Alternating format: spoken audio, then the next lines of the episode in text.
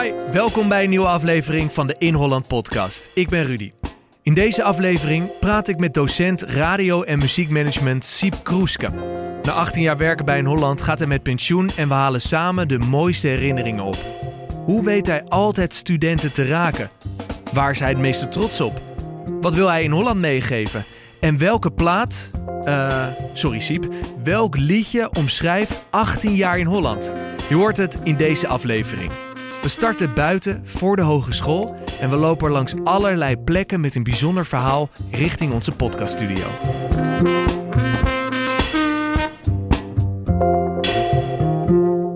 Oké, Siep, we staan hier voor in Holland Haarlem. Een regenachtige dag in november. Triestig. Triestig. Maar dat is niet het gevoel dat we willen overbrengen met deze podcast. Hey, laten we even helemaal teruggaan naar het begin. De eerste keer dat je door deze deur liep. Hoe Dat- was die eerste dag bij in Holland? Kan je dat nog herinneren? Nou, dat was in een ander gebouw. Was in een ander gebouw? Dat is het oude gebouw. Dat is 18 jaar geleden. En toen stond dit gebouw er nog niet. Eh, Dus hier doorheen lopen is wat van vroeger tijd. Eh, Van, Ja. van laat, het later tijd eigenlijk. Dus wat, wat jonger.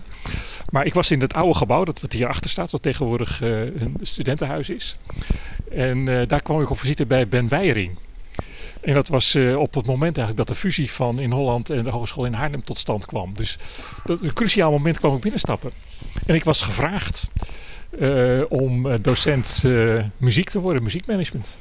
En toen die eerste dag, je liep naar binnen, je, je kwam de klas binnen. Wat dacht je toen? Was je zenuwachtig? Was je enthousiast? Ik wist totaal niet wat me te wachten stond. En ik, het was niet lesgeven gelukkig. Ik kwam in instantie alleen voor rookie. Oh ja. En Wes Wierda, eh collega van me, die zei van... zolang je maar een hoofdstuk voor bent, is het goed voorlopig. toen denk ik van, oh, als dat alles is... Maar ik was nerveus. Ik wist echt niet wat me te wachten stond. Dus ik heb, ik heb wel een soort van eh eh zoveelste zintuig... waarin ik een, een stuk vertrouwen op, op het moment dat het moet gebeuren, dat ik dat heb. Oh. En dan druk ik op een knop en dan gaat het vanzelf. Ja. Zoals nu ook. En je zei net al, je bent gevraagd om dat te doen. Heb je nooit eerder gedacht van, nou, ik zou wel docent willen worden? Of iets met onderwijs willen doen? Nou, dan moet ik terug naar 1971, 72. En ik zat toen op de HAVO. En ik heb toen ben ik naar de open dag geweest van de PA in Amersfoort. Ik zou in het onderwijs gaan. Dat vond men wel geschikt voor mij. Dat bleek uit een test. Dat wilde ik helemaal niet. Want ik had al een baan bij Veronica. En ik wilde bij Veronica blijven. Ja. Dus, maar ik moest dat officieel een beetje doen. En dat moment van Veronica speelde toen ook al. En ik was, was gevraagd en uitgenodigd eh, om, om, om eh, een, een programma te maken voor Tineke. En Tineke die moest het ziek- ziekenhuis in. En ze zegt van je moet Tineke? avond- Tineke de Nooi. Ja? En ze moest het ziekenhuis in. En ik moest haar avondprogramma overnemen. En dat heb ik anderhalf jaar lang achter elkaar daarna gedaan. Ja. En ik was in mijn droom en ik ben er ook nooit meer uitgekomen. Maar toch, uiteindelijk kwam je hier wel terecht. Je hebt ontzettend veel ervaringen op mogen bouwen. Mooie dingen, soms wat minder mooie dingen. We gaan het er allemaal over hebben. We lopen nu naar iets nieuws. We zitten nu in begin november. En eh, ja, als we nu voor ons kijken, ik, eh, ik word hier wel heel erg vrolijk van. Nou ja. Kan je eens omschrijven wat je nu voor je ziet? Ehm, een droom is uitgekomen. Ja.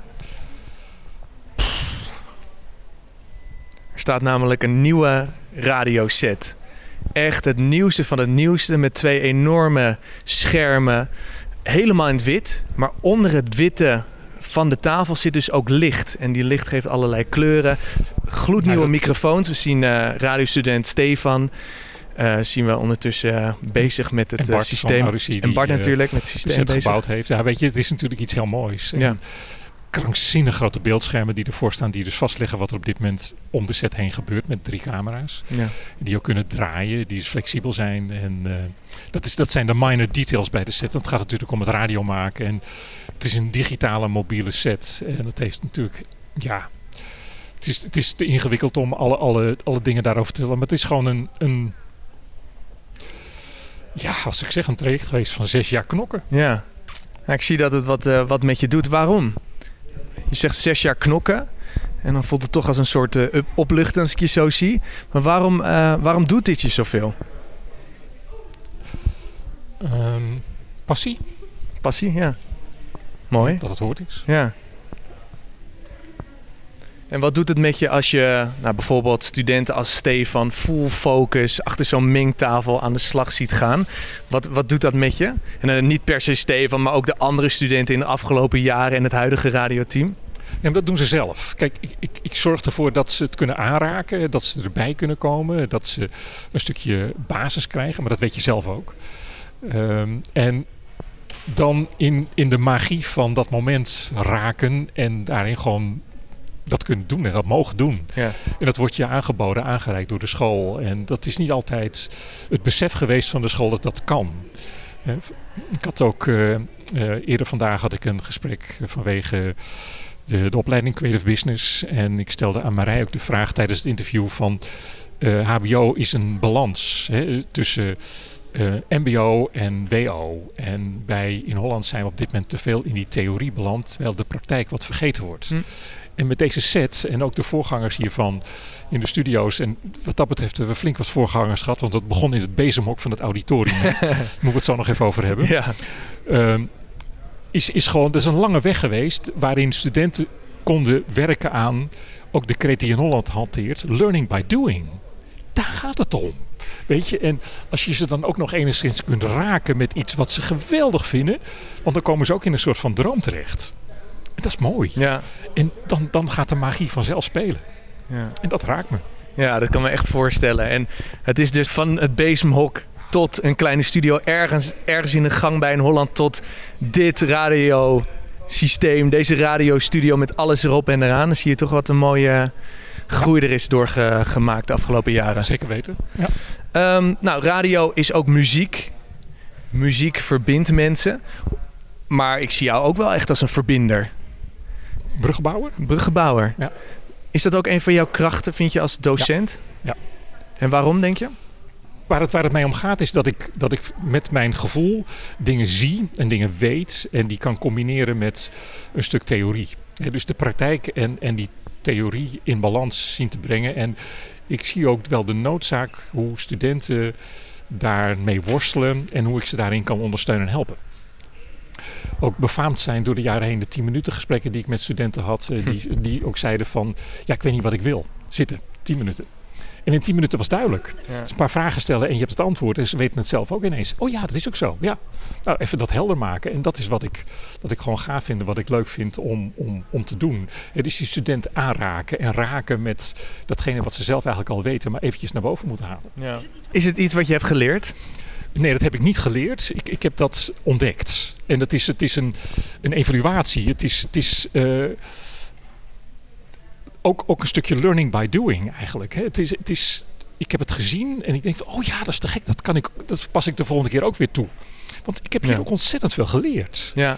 Dat, dat is wat ik me iedere dag weer realiseer. Ja, ik stel straks een leuke vraag erover. Ik ben namelijk wel, ik ben wel heel erg benieuwd welke ontwikkeling jij de afgelopen jaren hebt doorgemaakt. We lopen eh, rustig verder. Um, een hele moeilijke vraag, maar welk liedje omschrijft 18 jaar in Holland? Wow. Um, nou, ik, ik, denk dat ik wel een grappig heb. En dat, dat laat ik wel meer aan mensen weten die ziek zijn of die, die, uh, die in de lappenmand zitten. En dan stuur ik altijd een YouTube-filmpje van de Amerikaanse band Chicago. En het liedje Feeling Stronger Every Day. I do believe in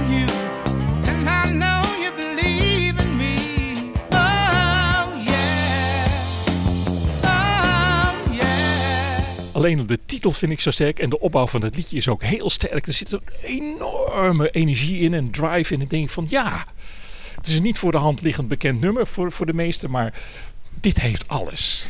Ja, en als je dan de koppeling maakt naar in Holland? Nou, ik vind dat het, dat ook voor mij van toepassing is. Hè? Dus ik heb, ik heb iedere dag dat ik hier werkte, uh, en dat is dan uh, iedere, iedere week, 2,5 dag, dus ik zat hier halftime.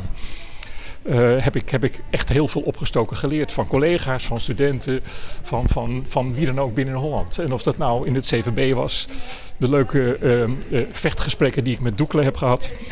um, en, en, en ja, ook met iemand die aan het schoonmaken was, die ik heerlijk gedag zei. En zei van, hey, goedemorgen. Ja. Want iedere dag is een leuke dag. Ja, mooie insteek. We lopen op dit moment uh, door een hele lange gang en rechts achterin deze gang zit een oude radiostudio van in Holland. Toen heette dat nog Filin Radio. Dat moet jij weten, ja. En ik heb er ook gezeten en onlangs moest ik daar iets uh, opruimen. En ik rook die geur en het bracht me weer helemaal terug naar die tijd dat ik elke dag hier radio mocht maken. Want het was echt een fantastische tijd. Maar wat ik wel wil, wil delen is dat je mij echt wel gemotiveerd hebt om dingen vanuit andere perspectieven te bekijken. Mhm. En ik zie dat wel als een leermoment. Want ik had best wel eens. Ik had hele hoge eisen aan mezelf en aan, uh, aan mijn team. En jij hebt best wel gezegd: ja, probeer het vanuit een ander perspectief te bekijken. Probeer eens in te leven bij die personen. Hoe staan zij erin? Ja. En dan zie je iets heel anders. En dat heb ik wel echt iets van jou geleerd in deze periode, in deze oude radiostudio waar nu helemaal niks meer staat. Maar ik kan me ook voorstellen dat studenten het best wel lastig vinden om keiharde feedback te krijgen. En gewoon. Nee hoor, uh, totaal niet. Nee, ik heb dat nog nooit meegemaakt. En dat zal misschien ook wel een beetje aan mij liggen. Maar ik weet altijd wel een manier te vinden om, om het, het goede verhaal te vertellen. Dat heb ik jou ook gedaan, maar het is nooit voorbereid. Nee. Dat, dat, voel ik aan of dat constateer ik en dan denk ik van... Ja, oké. Gisteren maakte ook een student een opmerking... Uh, dat, dat hij zei van, joh, dat kost me zoveel energie. Ik zeg, ben jij gestoord? Dat doe je niet goed. Dat mag je geen energie kosten. Het is altijd in balans of het levert je energie op. En is hij maar te kijken. Ja, ja, je hebt eigenlijk wel gelijk. Ja. Maar dat was niet gepland. Maar dat vloept eruit. Ja, nou oké. Lucky me om dat te mogen zeggen. Ja. Wat kun jij nog herinneren van de tijd in deze studio? Kan je daar nog iets van herinneren? Ja, zeker weten. Ik, ik zie je nu eens boven de deur zie ik een on-air bordje.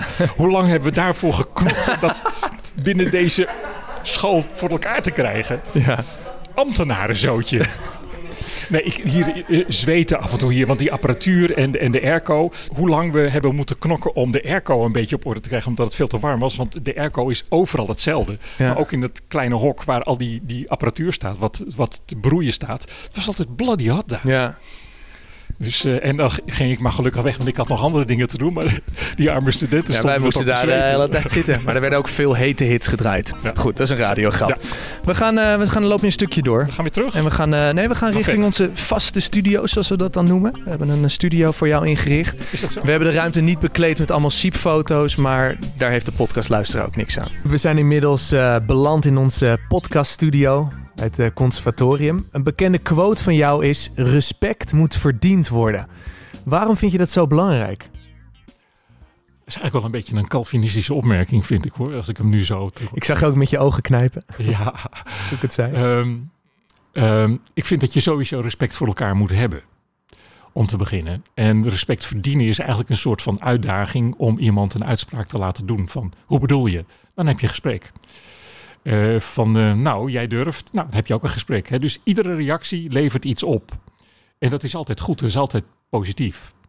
Maar ik probeer wel die positieve vibe erin te hebben en ervoor te zorgen dat het um, ergens naar leidt. Moet je bijvoorbeeld respect verdienen bij studenten? Nee, andersom ook niet. Nee. Het gaat niet om respect, het gaat om van wat wil je leren? Waar wil je naartoe? Heb je een, een soort van einddoel of een stip op de horizon? En dat is, dat is wat ik interessant vind. Dat, daar kan ik wat mee. En ik heb ook regelmatig tegen studenten gezegd: ben je hier dan op de goede opleiding? Hm. Is helemaal niet, je zit hier niet op de goede plek. Ga alsjeblieft, kom in je, in je, je comfortzone terecht. Ga naar, naar de, de, de, de goede plek toe. Want dan ga je eindelijk energie krijgen of meer energie krijgen. En dan word je enthousiast en dan word je blij. En daar gaat het om. Ja. Ik heb hier de vraag staan: wat was voor jou het moment dat je dacht, hier doe ik het voor? Maar zijn dat deze momenten of zijn er toch nog andere momenten dat je echt in de auto terug naar huis gaat richting het oosten van het land en denkt van yes, dit was voor mij echt wel nee, het mooiste. Nee, nee, nee, dat soort momenten heb ik niet. Het is voor mij, iedere dag is leuk en iedere dag is interessant en iedere dag is een uitdaging en iedere dag is gewoon weer anders. Het is nooit, het is nooit hetzelfde. Geen enkele dag. En in de auto uh, naar huis heb ik dan wel zoiets van... oh ja, wat had ik vanavond gepland om te eten? Oh ja, lekker. Weet je, één keer in de week, dat heb ik, heb ik ooit heb ik dat uh, voor mezelf gedaan... Uh, op het moment dat ik in 2002, 2003 failliet ging en dat ik dus heel erg beperkt budget had van maar 50 euro in de week voor boodschappen. Wow. En dan, dan moet je heel erg op de kleintjes letten. Dus ik maakte boodschappenlijstjes. En aan de hand van het boodschappenlijstje maakte ik een weekmenu wat ik oh ging eten. Ja. En soms hield ik geld over. En dat is natuurlijk helemaal kicken. um, maar daar, daarmee zorg je voor dat je, dat je ook een stukje zorgvuldigheid brengt in datgene wat belangrijk is. Maar aan de andere kant, iedere dag is gewoon leuk. En wat ik eraan overhoud is dat ik gewoon leuke dingen uh, voor mezelf wil doen. Uh, ook lekker wil eten, wil genieten. Uh, en uh, ik heb thuis werkelijk zo'n enorme stapel. Die, die, ik doe dan zomaar ongeveer een meter hoog. Ja. Van allemaal lekkere recepten die ik nog wil doen en nog wil, wil maken en uitproberen. En dan zit ik in de auto uh, en denk ik, wat had ik voor vanavond hier gepland staan? Oh ja, oh ja. En dan zelf pasta maken. Niet in de winkel kopen voor die smerige troep. Dus ik merk aan alles, want hier kunnen we volgens mij nog tien minuten langer over doorpraten. dat dat een stukje passie is. Wat ik, wat ik wel leuk vind om te horen is dat jij zegt, nou elke dag is wel anders hier bij, uh, bij in Holland. Is dat ook de reden dat je het zo lang kan volhouden? Dat het elke dag anders is en afwisselend? Het heeft ook niks met volhouden te maken. Dat bestaat niet in mijn beleving. Nee, nee zo kan je het ook zien inderdaad. Het is, het is gewoon doen en leuk. De, de, je zit heel erg, er zijn mensen die heel erg vastzitten aan bepaalde dingen. Hè? Dus wat je net ook vroeg van het respect bij iemand uh, verdienen of wat dan ook. Eigenlijk is dat er niet. Dat heb ik ook niet gedaan. En ook niet, dat was ook geen vooropgezet plan. Ik heb ook geen plan. Mijn leven heeft ook geen echte planning. Hm. Alles wat op mijn pad gekomen is, dat zijn cadeautjes. Hm. Ik heb één keer, dat moet niet liggen, ik heb één keer gesolliciteerd. Oh ja. Maar ik werd niet aangenomen omdat ik niet katholiek was. Er speelde het geloof speelde een rol. Ja. ja, nou echt ook niet dan, dan echt niets. Ja. En het volgende moment had ik een te gekke baan. Ja. Mijn boekenplank staat vol met allerlei boeken over persoonlijke ontwikkeling. En in al die boeken staat echt het tegenovergestelde wat jij nu zegt. Hè? Dus droom groot, stel doelen, stel kleine doelen die je dichter bij je droom brengen. Maar als ik jou zo hoor, heb jij dat helemaal niet zo gedaan. Wat, zou wat zeg jij tegen studenten die, nou ja, hetzelfde gesprek, uh, die hetzelfde gesprek als wij hebben? Nou ja, precies dat. En, en ik kijk de studenten aan en ik kijk in die ogen en ik zie wat. Hm. En dan stel ik de vragen. En dan komt een antwoord op en dan weten we het. En dan weet de student het. En daar Ja. gaat het om. En het is, het is, het is een kwestie van eh, wat bij in Holland goed gebruikt wordt, learning by doing. En daar geloof ik in. En dat is ook, je geeft een, een, een student, een jong persoon die aan het begin van een inspirerend, spannend leven staat, geef je een handvat. Hm. En, en ik, ik heb, en daar ben ik echt heel trots op. En dat zie ik nu ook weer terug op een aantal reacties op, op Facebook bij mijn aankondiging van Ja. een afscheid. En dan denk je, oh wauw, dat ik dat veroorzaakt heb, dat heb ik me niet gerealiseerd. Mooi. Want dat gaat door. Ja. Ik sta er niet bij stil. En ik vind het ook niet nodig om terug te vallen op allerlei dingen. Daarom kijk ik ook aan tegen een afscheid. Want het is voor mij geen afscheid. Het is gewoon het volgende hoofdstuk. En ik, ben gewoon de hoofdstukken aan het doorwerken. En eh, eh, op eh, Valentijnsdag overleed een goede vriend van mij. eh, eh, die had Alzheimer. En, en die kende ik 46 jaar. En terwijl ik met de... De familie had mij gevraagd om... Omdat samen met die vriend had ik de muziek uitgezocht al een anderhalf jaar daarvoor. En de familie had mij gevraagd van, wil jij alsjeblieft de bijeenkomst leiden? En ik begon dus met de muziek die we hadden uitgezocht. En terwijl ik daarmee begon en ik had wat teksten eh, van tevoren opgeschreven, had ik zoiets van, ehm, ik ga er een radioprogramma van maken. En ik zag allerlei mensen om me heen. En dat was vlak voordat het, het hele corona-verhaal begon. En ik zag allerlei mensen ook opkijken en hun wenkbrauw optrekken. Wow, spannend. En ik begon met een radioprogramma. En ik ging verhalen over hem vertellen. En ik ging van het ene hoofdstuk naar het volgende hoofdstuk. En het liep vloeiend. En ik nodigde gasten uit en die kwamen dan wat zeggen. Nou, dan ging ik weer verder door. En ik rond het daarna af weer met muziek. En ja, dat was gewoon heel mooi en gaaf en heel logisch. Ja. Echt uit, vanuit gevoel. Puur vanuit gevoel. Ja. En weet je, er zijn te veel mensen die boeken schrijven die hun gevoel niet na te spreken. Mm. Laat ik dat dan maar zeggen. En werk maar met je gevoel. Durf dat maar aan. Durf die uitdaging maar aan.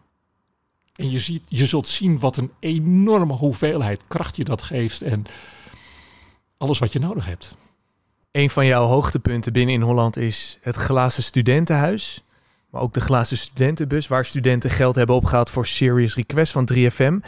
En we hebben oud-student Joris Peters gevraagd om iets over de samenwerking met jou eh, te vertellen. Hey Siep, Joris Peters hier. 1, 2 en 3 december 2010. Dat is een datum die in mijn geheugen gegrift staat. Het was de tweede editie van het Glazen Studentenhuis. Wat een jaar geleden klein begon, groeide uit eh, een jaar later tot een groot evenement. Waarbij zelfs de hele gymzaal werd omgebouwd tot feestlocatie. Waar onder andere eh, Dennis van de Geest toen plaatjes kwam draaien. Eh, een, het is een heel mooi evenement waar ik vol trots op terugkijk. De opbrengst gingen we toen naar het echte glazen huis brengen in Groningen. Enig probleem was de temperatuur van min 10 graden en een dik pak sneeuw dat op de weg lag. Maar gelukkig hadden we met Lorenzo, uh, die anti-slip cursussen gaf, een ervaren coureur in ons midden. Eigenlijk begon alles uh, toen ik stage ging lopen bij Rookie en terecht kwam bij Feeling Radio. En uh, met een beetje hulp van jou um, konden we toen bij VHU nieuwe audiovormgeving regelen. Toen uh, ook nog een muur uit de studio gesloopt, weet ik nog. Um, de studio werd een beetje verbouwd, werd wat groter. De apparatuur werd onder handen genomen. We hebben geregeld dat we in de kantine te horen waren. Op een gegeven moment kregen Dennis en ik zelfs een sleutel van de studio, dat we het zelf uh, allemaal een beetje konden beheren. Ik herinner me overigens dat je tien jaar geleden al bezig was met je pensioen. Je dacht toen al aan stoppen, maar de passie voor het vak radio hield je toch op de been. Dat heb je nog aardig lang volgehouden. Er werd mij gevraagd of ik, een, of ik een quote kon aanleveren. Daar heb ik eigenlijk niet zo lang over hoeven na te denken. het is er zo wat ingestampt ook. Uh, en dat is eigenlijk, we draaien op de radio geen platen meer. Het woord plaat dat werd een beetje verbannen, mochten we niet meer zeggen. Uh, dat werd vervangen door een nummer, liedje, mp3'tje. Uh, dat is me echt wel bijgebleven. Ik zou je nog graag een keer de hand komen schudden, al is dat in deze tijd misschien wat lastig. Maar uh, geniet van je welverdiende pensioen, doe rustig aan en blijf gezond. En groeten vanuit het zuiden. Leuk, tof. Joris, dankjewel. Hij is inmiddels ook vader. Dus uh, wat dat betreft uh, is weer een potentiële nieuwe student die eraan komt. En uh, Joris heeft er hard voor geknokt om uiteindelijk in een hele moeilijke periode van in Holland zijn diploma te verdienen. En dat is door, door nou dat, dat vind ik dat ik dat best mag zeggen, door de, de nare omstandigheden is hem dat niet echt gegund. Terwijl hij er zo hard voor geknokt heeft. En daar hebben we echt nog heel veel moeite voor gedaan om die support te geven. Maar op een of andere manier waren alle, alle deuren waren bijna dichtgemapt om, om nog studenten een diploma te gunnen. En niet gunnen op basis van de gunfactor, maar gewoon normale, reële feiten. Dus Joris, uh, daar, daar moet ik af en toe eens aan denken. Ja, en wat ik mooi vind, uh, ik keek naar jou toen we luisterden naar Joris. En je werd van heel emotioneel tot heel enthousiast. Als je dit zo hoort, waar denk je dan aan? En wat voor gevoel komt bij je op? Blijheid tevredenheid. Ja, dat is het wel. Ja. En waarom? Um, doel bereikt. Ik denk dat dat wel een goede is. Uh, van, hey, dat, is, dat kan ik weer afvinken. Ja. Niet dat ik dat echt doe, maar hey, om het maar een beetje beeldend te maken van... hé, hey, dat is gelukt. Dat is, dat is goed. En uiteindelijk, ik denk dat het als ik het geval van Joris nog even aanhaal... en uh, Lorenzo wordt ook even genoemd, dat is ook zo'n geval. Hoewel Lorenzo niet te vergelijken is met Joris, want Joris heeft er hard voor geknokt. En dat kan ik niet van, Lorenzo zeggen. Die, die, is gewoon een bon vivant en noem maar op. Maar um, ik heb ze wel geraakt. En ze hebben ook wel een bepaalde vorm van eelt gekregen, waardoor ze het leven goed kunnen invullen. En ik denk dat dat bij Joris helemaal het geval is. Dus daar ben ik alleen maar heel trots op. Ja. We liepen net uh, langs een nieuwe radiostudio en daar zat Stefan van der Voet. Ook een huidige student waar je veel mee samenwerkt. En we hebben ook Stefan gevraagd om iets over jou te vertellen. Hey Siep, Stefan hier. Ja, we hebben best wel lang samen mogen werken. En voor veel projecten hebben wij uh, de krachten gebundeld. Ik dan radio maken, jij hebt de achtergrond, advies geven. Ja, ik vond het ontzettend fijn om met jou samen te werken. Hele leuke tijd gehad. Eén ding wat me altijd van jou bij zal blijven. Is dat je altijd tegen mij zegt... Stefan, praat eens rustig. Stefan, neem je tijd. Stefan, probeer even twee tellen jezelf te worden. Uh, ja, dat, dat, dat heb ik zo meegenomen in mijn leven. Uh, elke keer als ik nu te hard ga van stapel, dan denk ik elke keer jou in mijn hoofd te hebben. En die zegt, Stefan, neem even rust. Stefan, denk even na. Nou, echt, Siep, dankjewel voor al deze tijd. Uh, oh ja, en ik ga even een nieuwe plaat aankondigen. Want dat was ook altijd wat je tegen mij zei. Oh, plaat, dat mag je niet meer zeggen. Dankjewel voor de tijd, Siep. En wie weet, tot snel. En voor de luisteraar, om dat maar eventjes heel kort uit te leggen. Ik kan het tegenwoordig heel kort plaatsen. Uh, plaat is een, is een soort van verzameling van allerlei termen. Een single, een LP, een album, een liedje, noem maar op. Dus wees duidelijk, daarom zeg ik het. Ik, doe dat ook in de radiowereld regelmatig. En dan haal ik altijd één voorbeeld van uh, Domien Verschuren aan. Die zei van, op een gegeven moment in een programma... Ik heb nu een te gekke plaat ontdekt. En die plaat die moet je horen. En dit komt van die plaat. En ik denk van, oké, dat is drie keer het woord plaat op een verschillende manier. En wat ben je toch lekker duidelijk, jongen. I, rest, my case. Ja, en het opvallende is dat Stefan er, het erover heeft. En ook uh, Joris. En ik kan het mezelf ook nog heel erg goed herinneren. Dus... Volgens mij is je punt gemaakt wat dat betreft. Ik, weet wel dat uh, student van eerste lichting MEM, die heb ik uh, niet meegemaakt in het jaar bij Rookie, want toen was hij al in jaar drie. Hij liep toen stage bij Radio Noordzee, is uh, Jasper de Vries. Oh ja. En die hebben we ook regelmatig voor Glaas Studentenhuis en bus uitgenodigd. En hij kwam dan binnen. Hij zegt van, hier heb je 25 euro, want ik ga absoluut 25 keer het woord plaat gebruiken. dus ja, weet je, proberen hier en daar een beetje op te voeden, geloof ik. 18 jaar in Holland. Hoe heb jij jezelf ontwikkeld de afgelopen jaren? Doe je bijvoorbeeld iets heel anders dan 18 jaar terug? Ik heb ontwikkeld dankzij in Holland dat ik nog meer mezelf kan zijn. Uh, dat ik uh, mensen in mijn omgeving weet te raken. Uh, op een mooie manier. Ik heb ook geleerd dat het niet alleen doen is, maar ook een stuk onderbouwing erbij. Dus die theorie en praktijk in balans brengen heb ik zelf ook geleerd. En ik, was, ik, ik, heb, ik heb een Veronica-opvoeding gehad waarin Rob Oud tegen mij zei, als ik met een idee van plan kwam, van te gek doen. En daar was onvoldoende over nagedacht en vaak ging dat dan mis. Hm. Nou, vaak, het ging ook wel eens mis, laat ik het goed zeggen. Laat ik mezelf niet uh, al te veel daarin uh, benadelen. Dus er zijn hele goede dingen gedaan die vaak weer gewoon doen, gaan. En dat kon in de, jaren 70 kon het ook veel makkelijker dan tegenwoordig. Hè. Daar had je, had je toch meer de speelruimte voor. Dus door in Holland heb ik meer geleerd om die balans te, te vinden. En dat kan ik daar ook veel beter en uh, uitleggen, benadrukken naar studenten. Ja. Ik heb wel, altijd wel bij, bij in Holland de ruimte gezien om, om mezelf te zijn en te blijven. En ook mijn eigen pad te voeren. Hè? Want wat dat betreft ben ik wel een beetje een, mm-hmm. een Einzelganger in deze organisatie geweest. En ben ook tegen dingen aangelopen waar ik ook niet zomaar mee akkoord ging. Hè? Wat dat betreft kan ik wel een anekdote met uh, Doekle Terpstra aanhalen. Die kwam in 2010... Oud-voorzitter van het college van bestuur. Ja, die kwam in 2010 kwam die bij het college van bestuur. En die werd eigenlijk min of meer op dat uh, schip gezet wat in heel... Uh, zwaar vaarwater terecht was gekomen. Die werd vanuit een helikopter werd hij, uh, op dat schip gedropt en van hier stuurman ga je gang maar. Dus hij heeft daar een aantal goede dingen gedaan. En bij het hele diploma-verhaal en die fraudetoestanden, wat ik nog steeds een enorm opgeblazen verhaal vind, maar vooruit, dat is mijn mening. Uh, zei ik op een gegeven moment tegen Doekle, omdat ik ik wilde media-aandacht hebben, maar op een reële manier. Dus ik zei tegen hem van, ik wil met een journalist het pand door. Ik wil de speelruimte hebben en die journalist moet gewoon overal binnen kunnen lopen. We moeten ons hoofd beneden het maaiveld houden. Ik zeg, nee Doekle, daar ben ik het niet mee eens. En hij keek me aan. Hij zegt van, oké, okay, ga je gang. Weet je, dus mijn overtuiging was wel heel belangrijk. Ik heb die journalist meegenomen. En het leverde me uiteindelijk een piepklein stukje in de krant op. Want het was alleen maar positief nieuws. Want die journalist die kwam ook een student tegen van... Nou, ik weet zeker dat mijn diploma nu helemaal te gek wordt. Mm-hmm. Als daar al enige discussie over was. Mm-hmm. Want alles gaat nu goed. En alles wordt nu nog beter. En die journalist had ook van, ja, wat een saai verhaal, maar het klopt natuurlijk wel. Ja. Dus dat werd ook een, een klein verhaaltje maar in de krant ten opzichte van die bombardie die vooral in de Volkskrant was begonnen. En inmiddels zie je dat het hartstikke goed gaat met, uh, met in Holland. Zeker weten. Wil jij, wil jij, als jij in Holland feedback zou mogen geven, hè? dus je gaat met uh, het college van bestuur zitten of misschien met een opleidingscoördinator. Wat wil je in Holland en het onderwijs nog meegeven? De menselijke factor. Het gevoel. Ik denk dat als. Kijk, in Holland is een hele grote organisatie geworden van verschillende hogescholen en opleidingen. En we hebben er, geloof ik, 78 in totaal. Dat is best wel veel.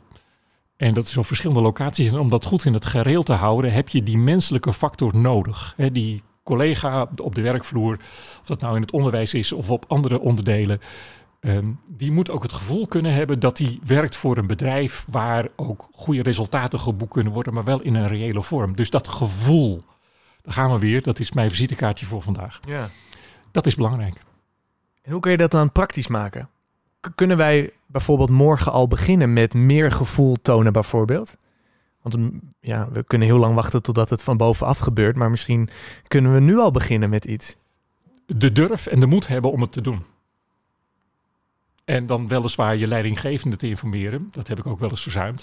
Ik heb wel eens een keer van een oud opleidingsmanager. We hebben er bij de MEM en de naast Creative Business, maar vooral bij de MEM een stuk of 18 gehad. In de periode dat ik er zat. En dat er een opleidingsmanager was die tegen mij zei van... het wordt nu wel tijd dat je stopt met die witte voetjes halen bij het college van bestuur. Ik zeg van, hallo, dat doe ik niet. Het komt op mijn pad. En ik ben lachend weggelopen. En ik denk van, waar moet jij eigenlijk mee? Dat is niet helemaal een handige gedachtegang en noem maar op. Maar zo ben ik. Ik ben een vrije geest. En die vrije geest moet de ruimte hebben om zich te ontwikkelen. Dat heb ik absoluut bij in Holland. Die kans heb ik gekregen. Dat heb ik bij Veronica ook gekregen. En dat heb ik in mijn leven ook verder gekregen. En dat doe ik ook gewoon. Want ik ben nergens bang voor. En dan nu? Na 18 jaar, uh, sla je de deur van uh, in Holland definitief dicht? Of blijft de deur toch nog wel op een kier staan? Er is helemaal geen sprake van een deur die open of dicht gaat. Die is er gewoon. En er is een hoofdstuk afgesloten en ik ga naar het volgende hoofdstuk. Met of zonder in Holland. En ik kan je garanderen dat het ook met in Holland is. En vooral met studenten, denk ik dan. Ja, maar goed, jij weet ook iets meer en die, die vraag gaan we verder niet doorpakken en doorzetten. Uh, je weet ook dat ik, dat ik de gunfactor bij jou heb. En ik wil heel graag dat in Holland besluit dat jij een goede positie binnen de toko had. Wat wil je graag nog de komende jaren doen? En dan hoeft het niet per se zakelijk gebied te zijn. Dat kan natuurlijk wel, maar ook persoonlijk. Wat zou je nou heel graag nog willen doen? En waarmee, met welke hoofdstukken wil je jouw uh, het is, het is volgende hoofdstuk invullen? Ja, maar Rudy, het is heel eng. Deze vraag is in zekere zin eng. Ik zou je vertellen, ik was uh, anderhalf jaar geleden... Um, um, kwam ik in een nieuw stukje van mijn leven terecht. En ik zat op de plek waar ik toen woonde en ik legde een briefje op tafel met mijn wens. En die wens die was, of die is, ik wil midden in het bos wonen, in het midden van Nederland.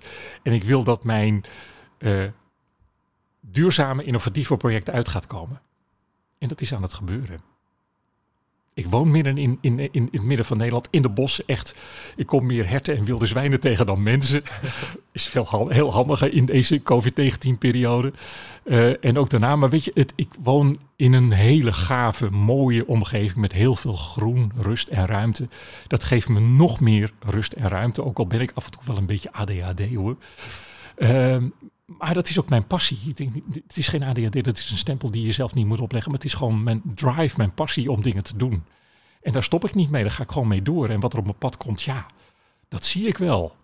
Ik weet alleen dat ook mijn gave studenten innovatieve duurzame projecten gaat komen. Toch een beetje antwoord nog. Niemand kan mij tegenhouden. Ga je nog een boek schrijven? Interessante vraag, dat weet ik nog niet. Ik heb natuurlijk hele leuke dingen meegemaakt in mijn muziekleven, in mijn radioleven, in mijn persoonlijke leven. Uh, ik heb wel uh, een van mijn specialisten die op mijn gezondheidsvlak op mijn pad kwam, op een gegeven moment tegen haar gezegd van ik denk dat ik er een boek over ga schrijven.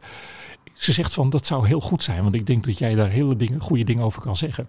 Je staat er heel anders in. Ja, nou misschien wel anders in een volgend leven. Waarom sta jij er anders in? Ik kijk er niet standaard naar, laat ik het zo zeggen. Wat is, wat is logisch? Wat is vanzelfsprekend? Dan gaan we weer terug naar mijn gevoel. Dat, dat is wel de rode draad, denk ik, in dit gesprek, het gevoel. En mijn gevoel geeft ook aan wat goed is. En daar ga ik steeds meer naar luisteren. Ik kom steeds dichter bij de kern van de zaak.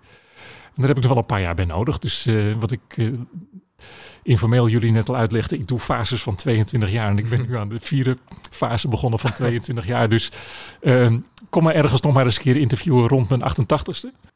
Nou, misschien wel leuk. Ik wil je even meenemen naar 2030. Dan is namelijk de In Holland reunie. Kom je daarheen? Denk het niet. Nee? Nee. Waarom niet? Dat is terugkijken. Daar heb ik geen zin in. Als ze mij vragen, wil jij een, een stukje visie uitleggen voor de komende vijf of tien jaar? Dan, ja, dan zou ik misschien nog wel geneigd zijn. Maar ik hou niet van feestjes in de zin van we hebben wat te vieren vanwege dat. Ik was dan weliswaar bij 15 jaar in Holland, maar dat was vanwege het feit dat we radio konden maken en met de studenten daar leuke, leuke dingen konden doen. Anders was ik absoluut niet gekomen. Mm. Ik ga niet naar dat soort feestjes toe. Nooit niet. Dat heb ik nooit gedaan. Ook niet toen ik de baas van de top 40 was en later van de Mega Top 50 kreeg. Allemaal mooie, gave uitnodigingen. Af en toe werd ik dan wel uh, getriggerd om met mijn kinderen naar een Studio 100 met Samson en Gert presentatie te gaan. Of je zegt dat was leuk. Of in de Efteling iets. Of Warner Brothers Movie World opening in, in Duitsland. Lag verder weg dan we dachten. En, en, maar dan nog, weet je, dan was het toch weer om, als ik het zelf had moeten besluiten, had ik niet gegaan. Maar het was vanwege het feit dat de kinderen het leuk vonden, dus dan deed ik het wel. Nou ja, laten we dan maar afspreken dat ik je op je, wat zijn nou, 88ste weer uh, kom interviewen. Ja, dat is in uh, 2042. Woon je dan nog waar je nu woont, denk je? Nee, nee, nee, nee, nee, nee, nee, zeker niet. Ik, ik, ga, ik ga op twee plekken wonen in de komende jaren. Maar, daar wil je niks over zeggen? Nee. Buitenland? Nee, zeker niet. Waarom buitenland? Gewoon Nederland is een waanzinnig mooi land met zo verschrikkelijk veel gave dingen. Thanks voor het luisteren naar deze aflevering met Siep Kroeske. En Siep, onwijs veel succes met je volgende hoofdstuk. Vond je deze aflevering leuk? Vergeet dan niet te abonneren. En we vinden het tof als je een recensie achterlaat in jouw favoriete podcast-app. Tot de volgende.